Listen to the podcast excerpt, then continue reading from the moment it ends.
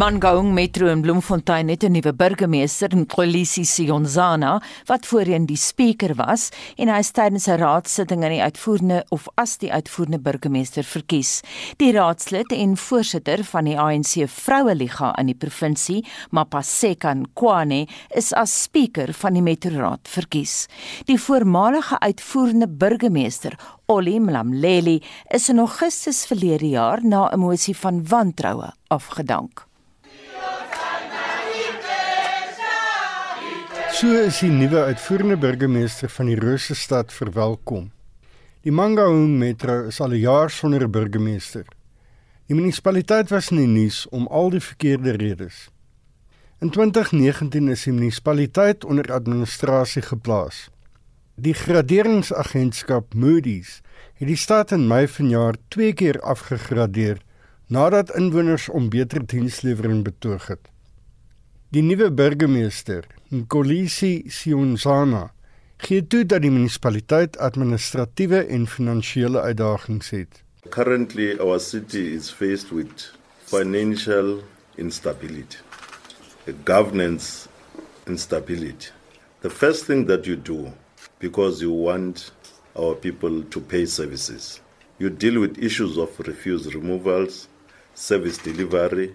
You go even beyond that you deal with issues of evaluation role, you deal with issues of debtors book, and at the very same time you encourage our people to pay their services. Die nuut verkose spreker van die Mangaung Metro, Mapaseka Motibi Mkwane, sê die kwessie van dienslewering is hoog op die agenda van die nuwe administrasie. I've been in the office as the chair of rules. I have seen that, but I will make sure that whatever way we were lacking, we improve on that and make sure that what the executive mayor has just alluded right now to say the issue of service delivered, that is a burning issue, especially when it comes also to graveling our roads in the community. When it rains, you can't move uh, as you are expected to. But we will make sure that we work as a team. I said it in my speech that the unity of this council is of paramount importance. Die EFF raadslid, Cholo Ranchuane, het sy party se mening uitgespreek oor die nuwe verkose leierskap. We had a very strong and firm speaker before, and he managed to, to control the council. With the dynamics in that council, I'm confident that the new speaker will collapse the council, and therefore we are very much concerned. The issue of the mayor, we are very much happy as the EFF that that office managed to elect a speaker, a, a mayor. Now, this office is very important for the service delivery within the community of Mangaung. Die DA raadslid David Mashwe sê hulle is versigtig optimisties oor die nuutverkose burgemeester en die spreker. Maar Shoei sê die twee was egter deel van die vorige mislukte administrasie. But the reality is the two have always been there for the past decade. And the service delivery that collapsed, it collapsed right in front of their eyes. They may have succeeded to convince the two factions the two wearing factions in the ANC to say, let us vote together to save face for the uh, governing party. Die nuwe burgemeester sê dat hy sy burgemeesterskomitee in die komende dae sal aanstel. Hierdie bydra van Ismail Modiba in Bloemfontein en ek is Hendrik Martin vir SAK nuus. 17 minute oor 7 nou vir die Vryheidsfront Plus se reaksie hierop. Praat ons vanoggend met raadslid Dr Elizabeth Snyman van Deventer. Elizabeth, goeiemôre. Ja, goeiemôre. Is jy tevrede met hierdie nuwe aanstelling in Mangaung Metro? Ehm, um, ek jy ons is ek wil ook sê versigtig optimisties, maar 'n mens kan regtig nooit tevrede wees waar 'n party so groot meerderheid het waar iemand dan op basies op die raad afgedwing word, nie? En hy besef die probleme, maar ongelukkig sit hy onder ANC beleid en as hy gebonde aan kaderontplooiing, aan regstellende aksie, aan um swak ekonomiese bemagtiging toekennings en om op plaaslike regeringsvlak besluite te neem, is hy nog steeds gebonde aan al hierdie um beleide van die ANC. Nou die vorige burgemeester natuurlik Ali Mlamleli omstrede figuur is 'n jaar gelede verwyder na 'n mosie van wantroue. Ehm um, wat gaan daaraan? Wat is die die, die dinamika met Ali Mlamleli saam en het hierdie nuwe burgemeester onder Ali Mlamleli gedien? Hy was as speaker, hy sal nou vir 12 jaar 'n speaker gewees. Hmm. Maar 'n geheime stemming toegelaat toe ons die Vryheidsfront plus die mosie van wantroue ingedien het. En as dit nie vir die die, die geheime stemming was nie, sou sy nou nog burgemeester gewees het. Want wanneer daar gestem word gewoonweg, is hulle baie streng en stem jy soos die koue sê anders as jy weg vir al die ANC raadslede wat op die proporsionele lys daar is. So hy het daarom 'n bydrae gelewer in die sin van hy het sy werk as speaker gedoen om 'n geheime stemming toe te laat. So sou mense hom dan kon beskou as 'n soort van 'n progressiewe figuur in die ANC regering daar? Weet jy, dit is 'n moeilike vraag om te antwoord want hy het nie die spel baie goed gespeel. Mense het nogal taamlik getwyfel oor in watter groep hy is. Want jy hmm. moet ook onthou in die Vrystaat is die groepe taamlik dis nie net die gewone Ramaphosa Zuma faksies in die ANC nie. In die Vrystaat sit ons nog met die ys anti-ys faksies ook en veral in Mangaung is daar nou 'n baie sterk is jy ysgroep of is jy nie in die ysgroep nie. En um die nie ysgroep is besig gelyk my om die oorwinning te begin behaal. Maar hy hy, hy speel mooi die, die spel dat niemand regtig weet waar pas hy in nie. As ons kyk na die munisipaliteit self, die Mangaung Metro, mens noem dit nou 'n metro, maar dit is maar basies Bloemfontein en dan 'n klomp dorpe ook daar in die omgewing. Watter probleme ja. is daar in hierdie munisipaliteit? het jy 'n paar uur vir my. so die so die belangrikstes. Die belangrikstes is die die gewone swak dienslewering. Ons sukkel met rioolprobleme, ons sukkel met vullisverwydering, ons sukkel met slaggate, ons sukkel met straatligte wat nie werk nie, die gewone goed, maar dan sit ons met oordrewe ANC idees waar die geld net in verdwyn dis soos um, die metropolisie diens. Um, as ek net sê vinnig twee syfers kan noem, ons het 'n kommissaris sedert 2017 hy 'n vergoedingspakket van meer as 2 miljoen rand vir die metropolisie wat nog nie op die been is nie.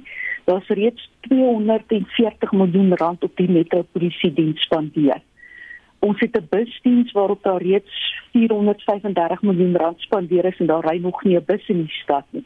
Hulle beoog byvoorbeeld om ek dink is 8 bushaltes te bou vir hierdie busdiens vir 1,2 miljoen rand per bushalte. Nou in Bloemfontein kan jy 'n verstaanlike drie slaapkamer huis bou vir 1,2 miljoen rand.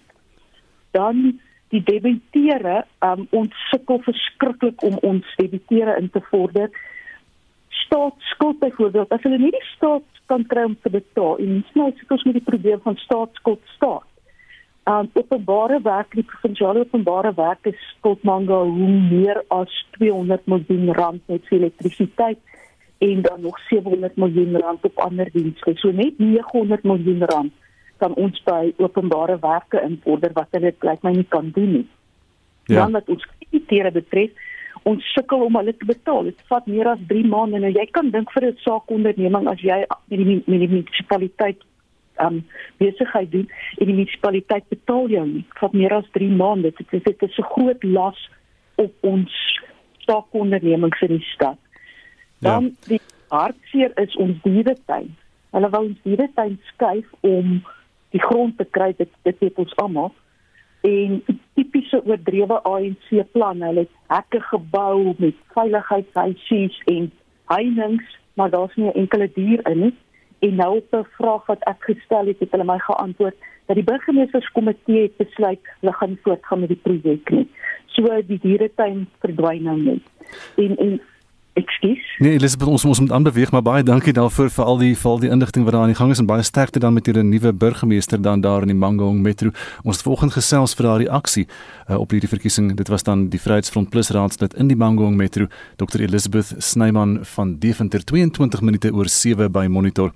Nou ons het vroeër die week berig oor die chaos wat heers op Kabul se Hamid Karzai lughawe met Apache helikopters wat invlieg om ander vliegtuie te help om op te styg en te land. Een Suid-Afrikaanse vrou, die 58-jarige Helen Rautenbach het in 2015 ehm um, gaan Afghaanse matte koop en het gister aan Anita vertel hoe riller van 'n ervaring dit was om in en uit van Kabul te vlieg. Anita het pas baie bevoorreg om in Kabul in te vlieg, maar omdat Kabul is lê so in 'n kom, so 'n mens gaan baie vinnig af onder toe en as jy uitvlieg, gaan jy baie vinnig boontoe. Maar dit is nie net omdat 'n kom lê nie. Toe ons begin navraag doen, hoekom gaan die vliegtuig so op, so vinnig? Jy lê amper op jou rug as jy daar uitvlieg. Toe verduidelik iemand vir ons maar jy moet onder die missiele uitvlieg.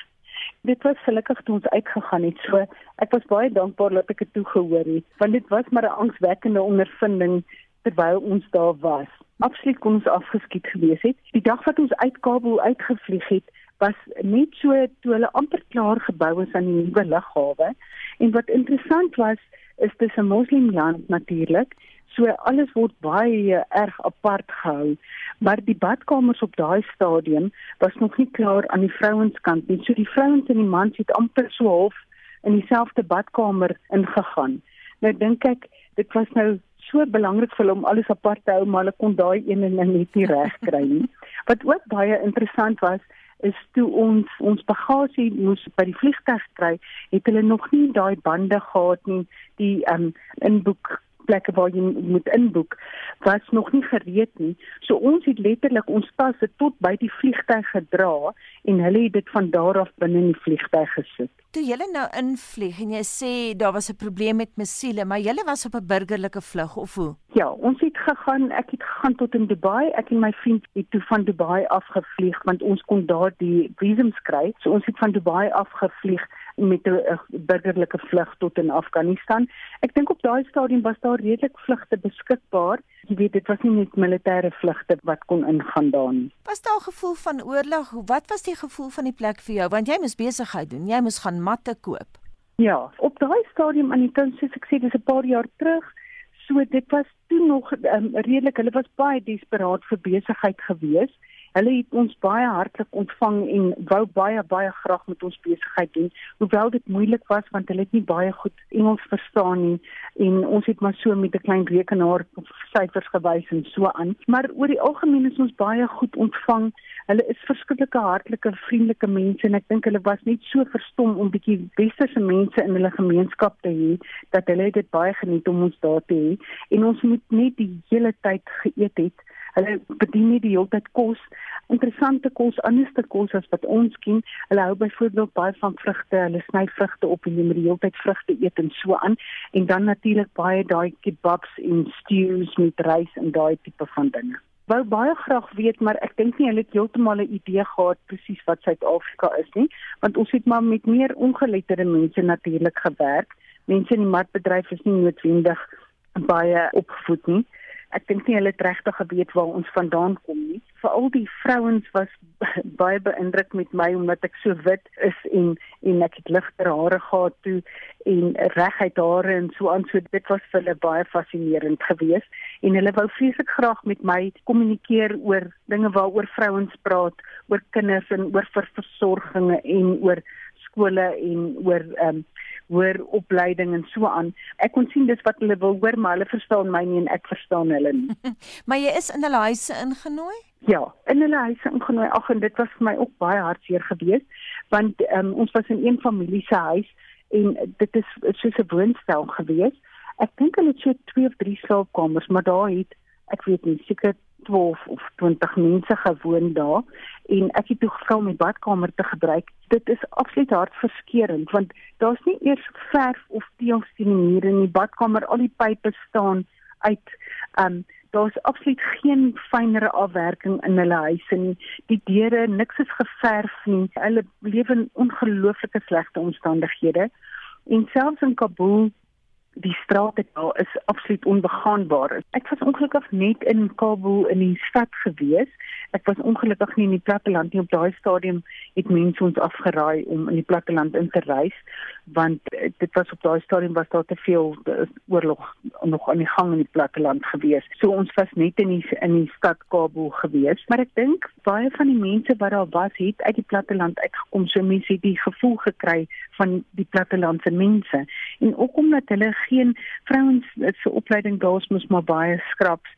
So die vrouens is maar baie eenvoudig en beperk. En jy sê dit was nou moeilik met gesprekvoering, maar jy het tog aanklank by die mense gevind. Was dit net oor hulle gulhartigheid? Ja, dit was verseker gulhartigheid, maar ek dink vrouens reg oor die wêreld vind altyd aanklank by mekaar. Ek dink vrouens kan kommunikeer sonder om baie woorde te sê in elk geval. Het die mans met jou gekommunikeer of probeer kommunikeer omdat hulle beter opgevoed was en waarskynlik Engels kon praat?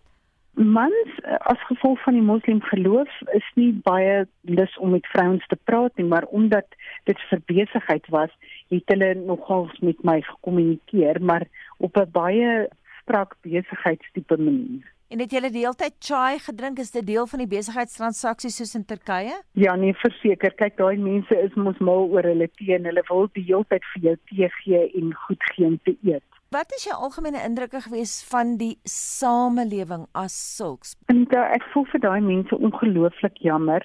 As jy regtig daarna kyk, is hulle al sedert 1979 in 'n oorlog gehou. Dit is so hartseer. Daai mense en ek dink elke keer net as hulle dink hulle is op 'n goeie pad vorentoe, dan gebeur daar nog 'n terugslag. Ek is so um, hartseer oor wat op die oomblik daar aangaan. Want ek kan net sien veral vrouens gaan nou weer ongelooflik swaar kry. Hulle moet nou weer nie by die huise bly. Daar's gereelde huwelike wat hulle inkom, jong meisies wat met ou mans moet trou. So dis my regtig 'n ontsettende hartseer situasie. En natuurlik dan vrouens of dogters wat nie mag skool gaan nie. Dis mos maar waarvoor die Taliban staan is die onderdrukking van die vrou. So ek is ongelooflik hartseer daaroor en ek hoop regtig dat daar een of ander oplossing sal kom vir hulle. Helene, watter indrukke het jy vandag soos wat jy hier in Johannesburg sit van Kabul en van Afghanistan? Oor die algemeen was dit vir my baie interessant en 'n lieflike land met lieflike mense en ek is hartseer vir wat met hulle aan die gang is. En een van die hoogtepunte wat ek onthou van Kabul self is die twee toeriste strate in Kabul se naam is Chicken Street en Flower Street. Dit is 'n kykentjie in 'n blom. En ek en Willem, my vriend wat saam met my was, wou vreeslik graag 'n foto hê van onsself onder die naambordjie in die straat. Maar op daai stadium was daar so baie soldate en gewere in die teenwoordigheid van mense daar. Jy is regtig te bang om 'n foto te neem in die openbaar.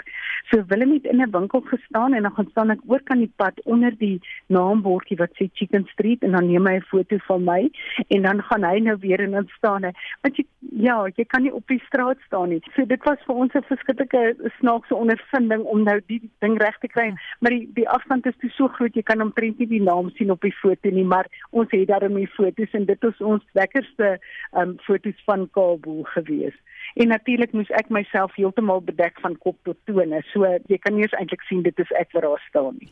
En dit is Helene Rautenbach met haar interessante stories uit Afghanistan. Anita het daardie onderhoud met haar gevoer. Wêreldnuus gebeure word oorheers deur die gebeure in Afghanistan. Die FSA sê hy verwag van die Taliban om gestand te doen aan sy belofte om menseregte in die land te respekteer, soos wat ons pas in die nuushooftrekke gesê het, het die Taliban gister sy eerste media-konferensie gehad sedert hulle die land oorgevat het en ST het 'n bietjie meer oor daardie konferensie ST.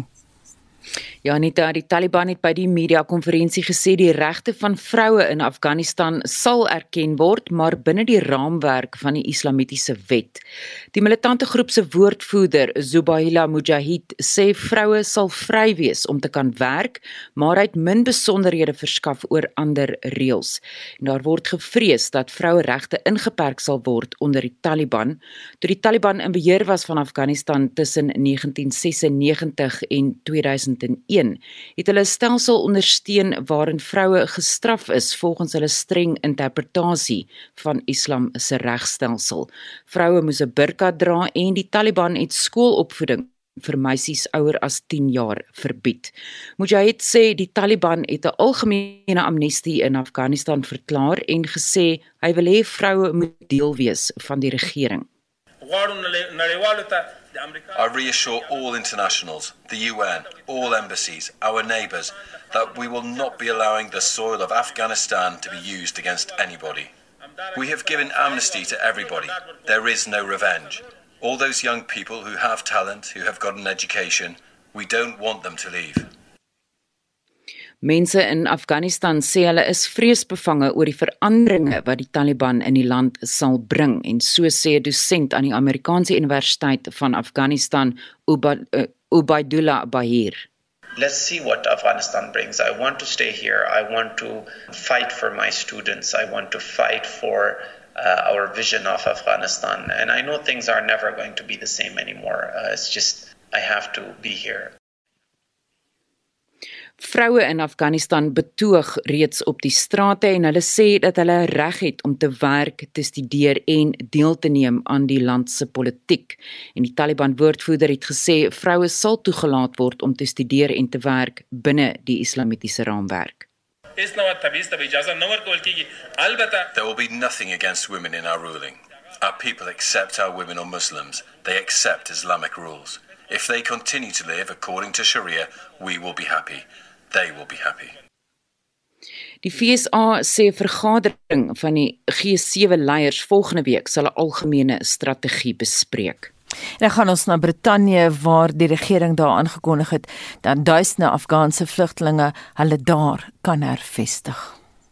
Ja, en die nuwe skema sal tot 20000 Afghane toelaat om hulle in die VK te vestig in komende jare. In die eerste jaar sal 5000 vlugtelinge daar toegelaat word en die VK het ander lande genoop om ook te help en sê hulle kan dit nie alleen doen nie.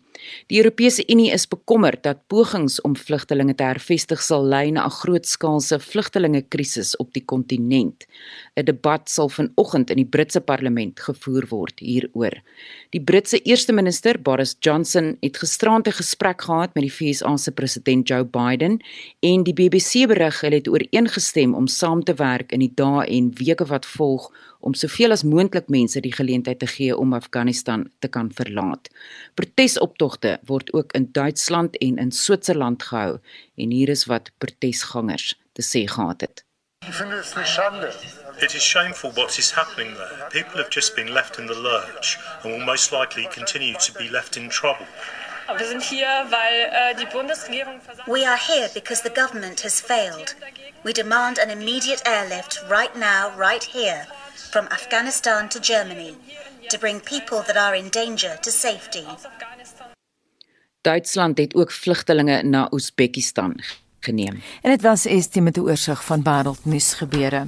Ons beweeg nou na die sportveld met Shaun Jooste. In die sport vanoggend, die bokspan vir Saterdag se toets teen Argentinië is bekend gemaak. Dan hy van die kerk is terug in die Protea span en 54 atlete verteenwoordig Suid-Afrika by die onder 20 kampioenskappe in Kenia. Die Springbok afrigter Jacques Ninaber het 11 veranderinge aan sy beginspan vir Saterdag se rugby kampioenskappe toets in Kaapberg teen Argentinië aangebring. Andre Pollard is terug op loskakel met Damian Dalende en Lucanio Am die senterpaar en Cheslin Colby weer in die nommer 14 try. Thomas Tatoy, Malcolm Marx en Trevor Nyagani is die nuwe voorry en Sia Kolisi sal die span weer aanvoer. Die Engelsman Carl Dixon is in beheer van die kragmeting wat die middag net na 5 afskop. Johan Rademan doen verslag oor die toets. In die Karibeker reeks straf die Pumas vanmiddag half 3 in Nelspruit teen die Bulle. Die Cheetahs kwart voor 5 in Bloemfontein teen Griekwas en die WP vanaand 7 uur in Kaapstad teen die Lions op die veldtyd. Die kapteins vir die wedstryde is Arno Botha vir die Bulle, Roan Pinaar vir die Cheetahs, Ernst van Rein vir die WP en Burger Oudendal vir die Lions. Cricket. Die vroue Protea span vir die T20 in eendag toer na die Wes-Indiese eilande is bekend gemaak. Dan hy van die kerk maak haar terugkeer as kaptein en die veelsidige speler Chloe Tryon is ook weer opgeroep. Die span vertrek maandag. Die reeks van 3 T20 en 5 eendagwedstryde begin op 31 Augustus. In die 100 toernooi in Engeland in die mans afdeling het die Birmingham Phoenix die Northern Superchargers met 8 paaltjies getroof en in die vroue toernooi het Phoenix met 14 lopies geseëvier. Op die tennisbaan meet Suid-Afrika se Lloyd Harris later vandag in die tweede ronde van die Western and Southern Ope in Cincinnati teen die wêreldnommer 5 en Olimpiese kampioen Alexander Zverev van Duitsland kragte. Op die golfbaan het die Sonskynreeks se Sunbet Ope kort voor 7 reeds in Pretoria by die Wingate Park buiteklub afgeslaan. Bekende name soos Jaco Alers, Johnny Hu, Henny Otto, Jaden Shaper en Jaco Prinsloo neem deel. Prysgeld beloop 1 miljoen rand. Fietsry Die top 3 in die Vuelta a España fietstoer na vier skofte is Rein Tamare van Estland, Kenny Elissonde van Frankryk en Primož Roglič van Slovenië. Suid-Afrika se Louis Mentjes is 28ste, Ryan Gibbons 103de en Reinhard Janse van Rensburg 127ste.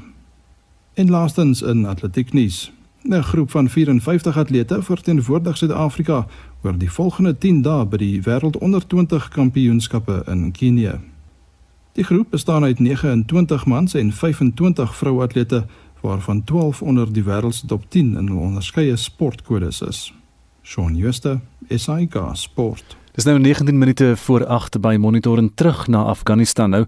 Die vrees vir die Taliban is oordrewe. So sê 'n professor in Islamkunde aan die Universiteit van Johannesburg, Farid Essak.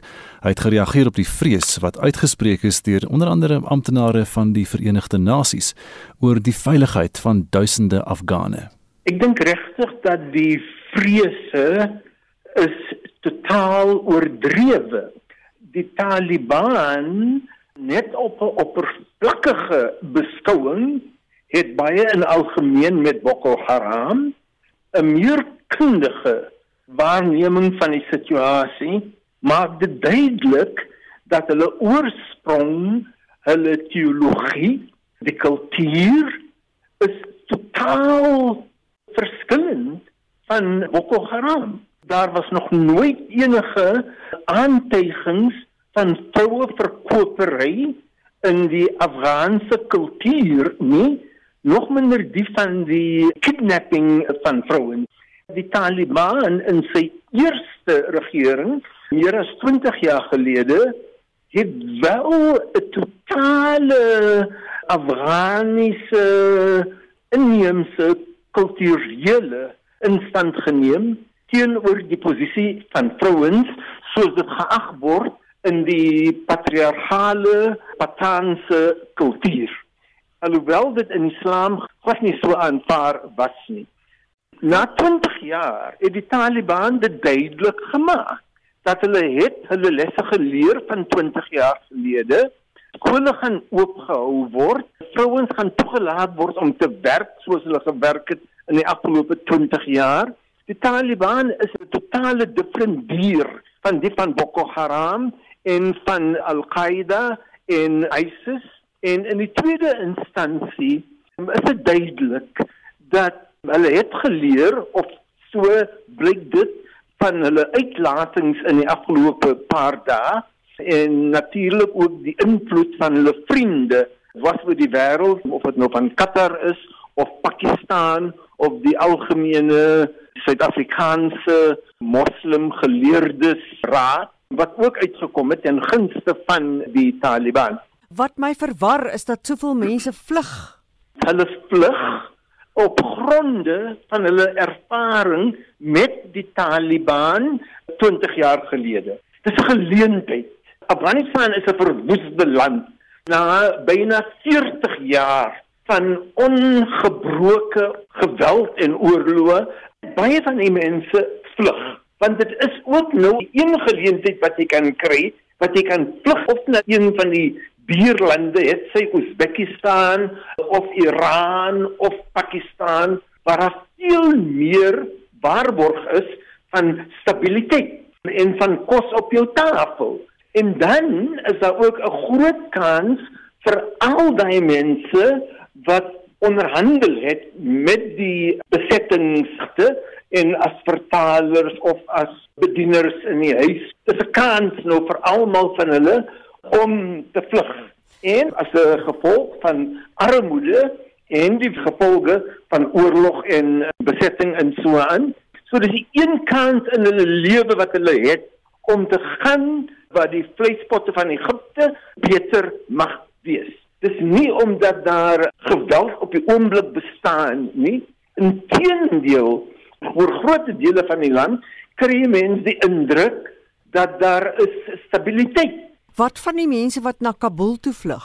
Hulle vlug na die groot stede want daar voel hulle hulle het meer versekering van veiligheid as wat hulle sou het in die plekke wat meer diep in die binneland is.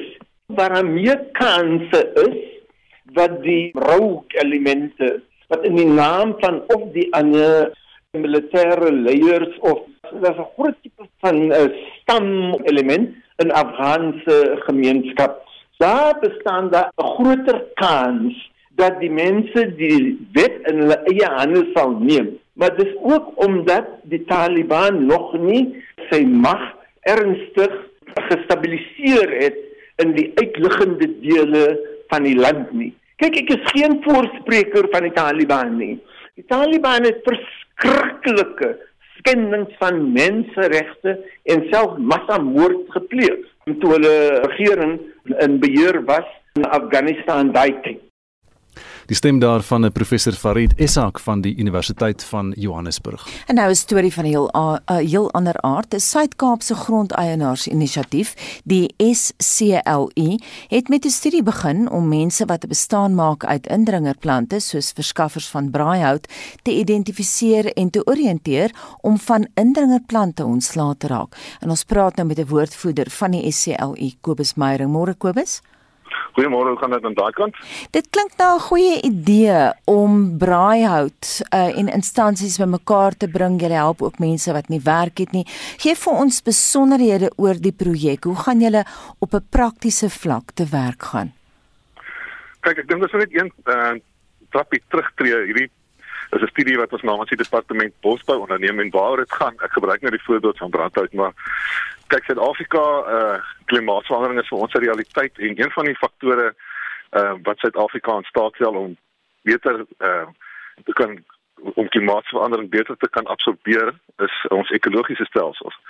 En op hierdie stadium word 'n baie groot persentasie van Suid-Afrika se grondgebied negatief beïnvloed deur ehm uh, indringe plante groei en deur bosverdigting. En ons is besig met 'n ondersoek om te kyk na hoeveel mense maak bestaan uit die ontginning van van uh, indringe plante groei en bosverdigting oud spesies. En natuurlik is ehm um, die uh oes van van brandhout en die verkoop en verpakking daarvan 'n baie groot industrie. Baie mense maak 'n uh, klein bestaan daaruit. Uh, maar daar's baie ander rolspelers. Jy weet daar's baie um, entiteite wat van biomassa na energie of biomassa na voedsel vir diere of baie jaar vir farmaseutiese doeleindes ehm um, 'n lewe maak daar uit en daar's baie nuwe tegnologie in die mark. So dit is wat ons probeer ondersoek om te kyk hoe diep is hierdie ekonomie, hoeveel geld spoel daar deur en tot watter mate kan mense hierdie mark beter vestig. Mm -hmm. En kortliks, hoe diep is daai ekonomie? Nou, ek weet nie. Dit is moeilik om te sê dit wat ons ondersoek. Ek dink op hierdie stadium het die departemente ondersoek gedoen en net die brandhoutindustrie byvoorbeeld is 100 000 ton per maand. So jy kan dink Suid-Afrikaners hou van hulle braaivleis en hulle kaggelvure so daar definitief 'n mark maar nie in die Europese mark is daar toenemend 'n mark vir vir uh produkte soos biochar in verskillende graderings daarvan. So dit is waarna ons kyk. Ons kyk ehm um, hoe kan ons hierdie mark konsolideer en en en ma seker maak dat daar uh dalk beter geleenthede vir hierdie mense geskep word want dit skep ruimte vir entrepreneurs en vir arme mense wat in platteland sit of uh, op die in die in die townships wat nie werk het nie. So mm -hmm. dit wat, is waar ons heen gaan. Wat is hulle reaksie? Alles baie positief. Almal soek werk. Hulle kyk of daar nuwe geleenthede is vir hulle en dit is wat ons bepaal. Is daar 'n geleentheid of is dit 'n beperkte geleentheid of kan dit ontwikkel een in een want ons kan twee vliee in een klap hier hier uh, slaan.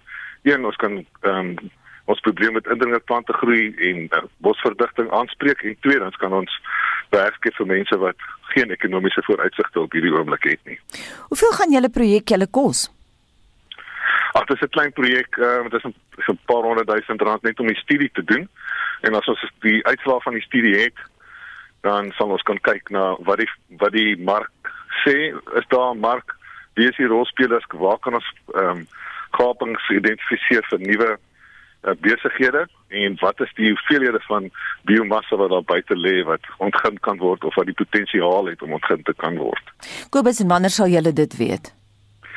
Ons is nou in die proses om dit af te handel en ek wou net sommer net die geleentheid gebruik gemaak het vir mense wat in die industrie is om vir my te skryf as hulle wil deelneem. En my e-posadres is Kobus, dis Kobus met 'n C @naturalbridge sê so dis Kobus @naturalbridge.co.za en ek kan hulle registreer uh, in hierdie week nog en die proses um, word afgehandel aan die einde van die maand. Kobus, ek weet nou nie of jy vroeër monitor geluister het nie, maar dit uh, ons SMS vraag is geskoei op braaihout en dit is okay. so dat dit duurder en skaarser geword het. Ons kry baie reaksie van luisteraars af en dit word soms so ver as van Namibië af ingebring Suid-Afrika toe, nê? Ja, nee, dis die waarheid. Nee, ons het ehm um, ek ek weet as deel van hierdie studie het ek gaan gesels met al hierdie mense wat Uh nie nie nie soos die mense wat die hout verkoop by die vulstasies en by die ehm uh, die groter winkels en winkelketTINGS nie, maar sommer ouens hier langs die pad wat dit self maak. Uh en dit is maar 'n is maar 'n sukkel bestaan wat hulle voer. Die pryse is verskriklik uh, mededingend en hulle kry nie meer uh, toegang tot tot hout nie. Daar is baie hout, sê maar uh, as jy die Kaapstad voorbeeld gebruik, maar die grondeienaars wil nie meer die mense wat die hoes wat die uh, hout kom oes toelaat of toegang gee tot 'n uh, uh, eiendom in vir verskillende redes waarvan sekuriteit een is. En die ander ding is as jy werk met indringersplante groei en jy, jy saag dit goed af dan moet jy seker maak dit hergroei nie want dit jy groter probleem is uh, as wat jy gehad het voor jy dit afgesaag het. So dit is so. Nou met die hout kom uit Namibië of van van baie ver van die metro waar die mark is. En um, ja dit dit jaag die kostes op en die haalbaarheid van die industrie. Wat dink jy is die beste hout om mee te braai? Ons het daai vraag aan die luisteraars gestel. Ons kry verskillende antwoorde Kobus, moet ek vir jou sê. ja. Weet jy wat die beste hout om mee te braai is? Die droogste en die goedkoopste wat jy kan kry by die volstasie. Baie dankie kort en kragtig dit dan die voorsitter van die SCLS omgewingsbedryf Kobus Meyering. Dis 8 minute voor 8 jy's by Monitor op RSG en ons praat verder nou vanoggend met die hoofredakteur en die uitvoerende direkteur van die Woordeboek van die Afrikaanse taal, die WAT, dis Dr Willem Botha en hy gesels met ons oor die nuutskeppingskompetisie wat ons hier op Monitor en RSG doen. Willem, goeiemôre. Goeiemôre Gustaf. Goed om met jou te gesels weer. Watter woord het jy nou gister gewen? Ehm um, voor ek daar kom Gustaf, hmm. wil ek net 'n groot dankie rig aan almal wat woorde ingestuur het wat 'n kreatiewe vermoëns uh, tot ons beskikking gestel het en ook 'n groot dankie aan almal wat gestem het. Sonder 'n stemmery is daar nie kompetisie nie. Nou die stemming het gister soos volg verloop. Broubouwer het 181 stemme gekry. Dit is ingestuur deur Pieter Hans Miller. Turks Feybal het 109 stemme gekry, ingestuur deur Kalipou en Wrokpertjie het 197 pre, uh, stemme gekry dis dan die wenner ook ingestuur deur Kalipou wat dan nou vandag sy tweede R500 in die sak steek en uh, ja Gustaf jy het uh, Wrokpertjie Ek het van hom gehou. Wat jy gegee gister ja. Wrokpertjies ek verstaan dit baie goed. en en dan wat is dan die woorde wat waarvoor vandag gestem kan word? Goed, vandag kan gestem word vir woord A Grendel Brouwery. Dis nou hierdie tuisbrouwery tydens die hoogtepunt van die Grendeltyd. Woord B, slim beursie. Dis 'n digi digitale beursie of 'n e-wallet. Dis daai wonderlike eh, toep wat jy aflaai dan hoef jy nooit weer met jou kaarte rond te loop nie. Jy presenteer dit net. En dan woord C, 'n sloerpot. Dit is 'n prikpot of 'n sloukoeker. En al drie hierdie woorde is ingestuur deur Joansi van Wyk. Hm, nogal sloerpot. En uh, wat hoe moet hulle stem? Wat wat maak die luisteraars? Goed. Ehm um, ons stem vandag vir een van hierdie 3 en wat hulle nou moet doen is hulle tot vanmiddag 3 uur nog tyd om te stem en hulle stem by 45889 en jou SMS moet lees woord A of woord B of woord C afhangende van die woord waarvoor jy stem. Jy noem glad nie Grendelbrouery, Slimbeursie of Sloerpot hmm. en ek herhaal net weer. Woord A is Grendelbrouery. Woord B is Slimbeursie.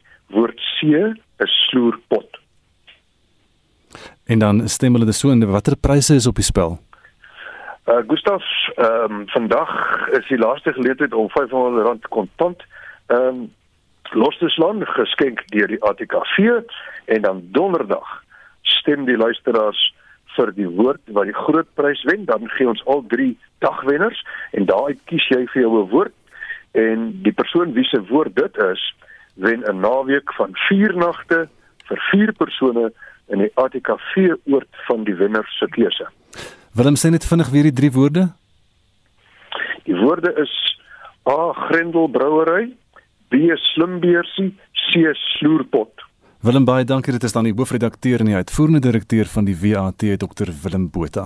Die nasionale vergadering sal binne 48 uur 'n nuwe spreker hê. Dit is nadat die pos vakant geraak het na die aanstelling van die voormalige spreker Tandi Modise deur president Ramaphosa in sy kabinet.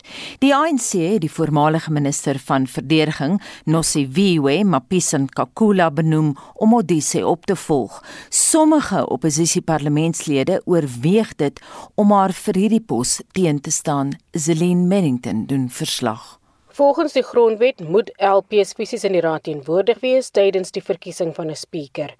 Volgens die reëls mag nominasies van die vloer gemaak word wat dan lei na 'n geheime stemmery. Maar dit beteken eers dan kan stembriewe gedruk word. Die proses kan tot 2 ure duur wat nie 'n ideale situasie is in die lig van COVID-19 nie. Dit het daartoe gelei dat sommige LPs gevra dat die reëls verander moet word sodat nominasies vooraf gemaak kan word om die tyd onder een dak te verminder. Maar die sekretaris van die nasionale vergadering, Masibolele Kaso, sê dit sal nie moontlik wees vir die verkiesing nie. But we want to suggest that the input be made in respect of future instances, not the one we anticipate. That's number one. Two, that that uh, proposal be made in respect of what I would refer to as casual vacancies. These are vacancies that occur mid-term, like we have currently. And the reason is simple that for um, elections that take place at the start of a parliament, you can only elect people who have been uh, sworn in as members of parliament. You can't nominate before people are sworn in as members of parliament. And therefore, it, it has to take place on the same day. The swearing in of members the nomination and the election of the office bearers. And this proposal for a nomination that is done uh, beforehand will not work in that respect. Die ANC se nominasie van Nosiviwe Mapisa Nqakula sal min steun vanuit die oppositiebank kry. Die 64-jarige is 'n Umkhonto weSizwe veteraan sê die ANC in verskeie strukture gedien onder meer as president van die Vroue Liga tussen 2003 en 2008. Voordat sy vir verskeie jare as kabinetslid gedien het, was sy vir 'n kort tydperk ANC hoofsweep in 2001. Dis die posisie van minister van verdediging waarin Mapisa Nqakula sedert 2012 dien wat deur omstredenheid gekenmerk word. Onder andere het sy glo 'n immigrant die land ingesmokkel Sy het 'n saamvlieggeleentheid gegee aan 'n ANC-afvaardiging na Zimbabwe in 'n militêre vliegtyg en meer onlangs het sy president Cyril Ramaphosa se uitsprake oor die geweld en onluste in KwaZulu-Natal en Gauteng in die openbaar weerspreek. Opposisiepartye se hoofsweepe soos die DA se Natasha Mazzoni en Dr Corne Mulder van die Vryheidsfront Plus het aangedui dat sy nie die enigste kandidaat sal wees nie. There will definitely be a contestation for the position of Speaker. And I think that uh, we would be naive not to realize that. I think the chances that we will have an election uh, and not a one nomination only, I would say is about 110%, that we will definitely have an election. So, as far as I'm concerned, the, the uh, staff can prepare for an election. Die nuwe spreker sal deur die meerderheidsstemme in die raad bepaal word en gegee die ANC se meerderheid is Mapisa Nqakula se kans op sukses baie goed. Zelin Merrington, Parlement. Estie, wat is alles op die dagboek vir Spectrum om 12? Kaal Neus verskyn vandag in die Landdroshof op eskort vir die oortreding van vlak 4 regulasies. Ons berig oor die polisie se optrede wat onder die soeklig is in die parlement en ons praat met 'n sportkenner oor die veranderinge aan die Springbokspan vir die tweede toets teen Argentinië Saterdag. Skakel in vir Spectrum tussen 12 en 1. En dit was monitor met ons uitvoerende regisseur Nicoline de Wee, die man in die warm stoel vanoggend Hendrik Martin, ons produksieregisseur Daitron Godfrey. My naam is Anita Visser. Monitor is môreoggend om 6 terug. Ek is Gustaf Greiling.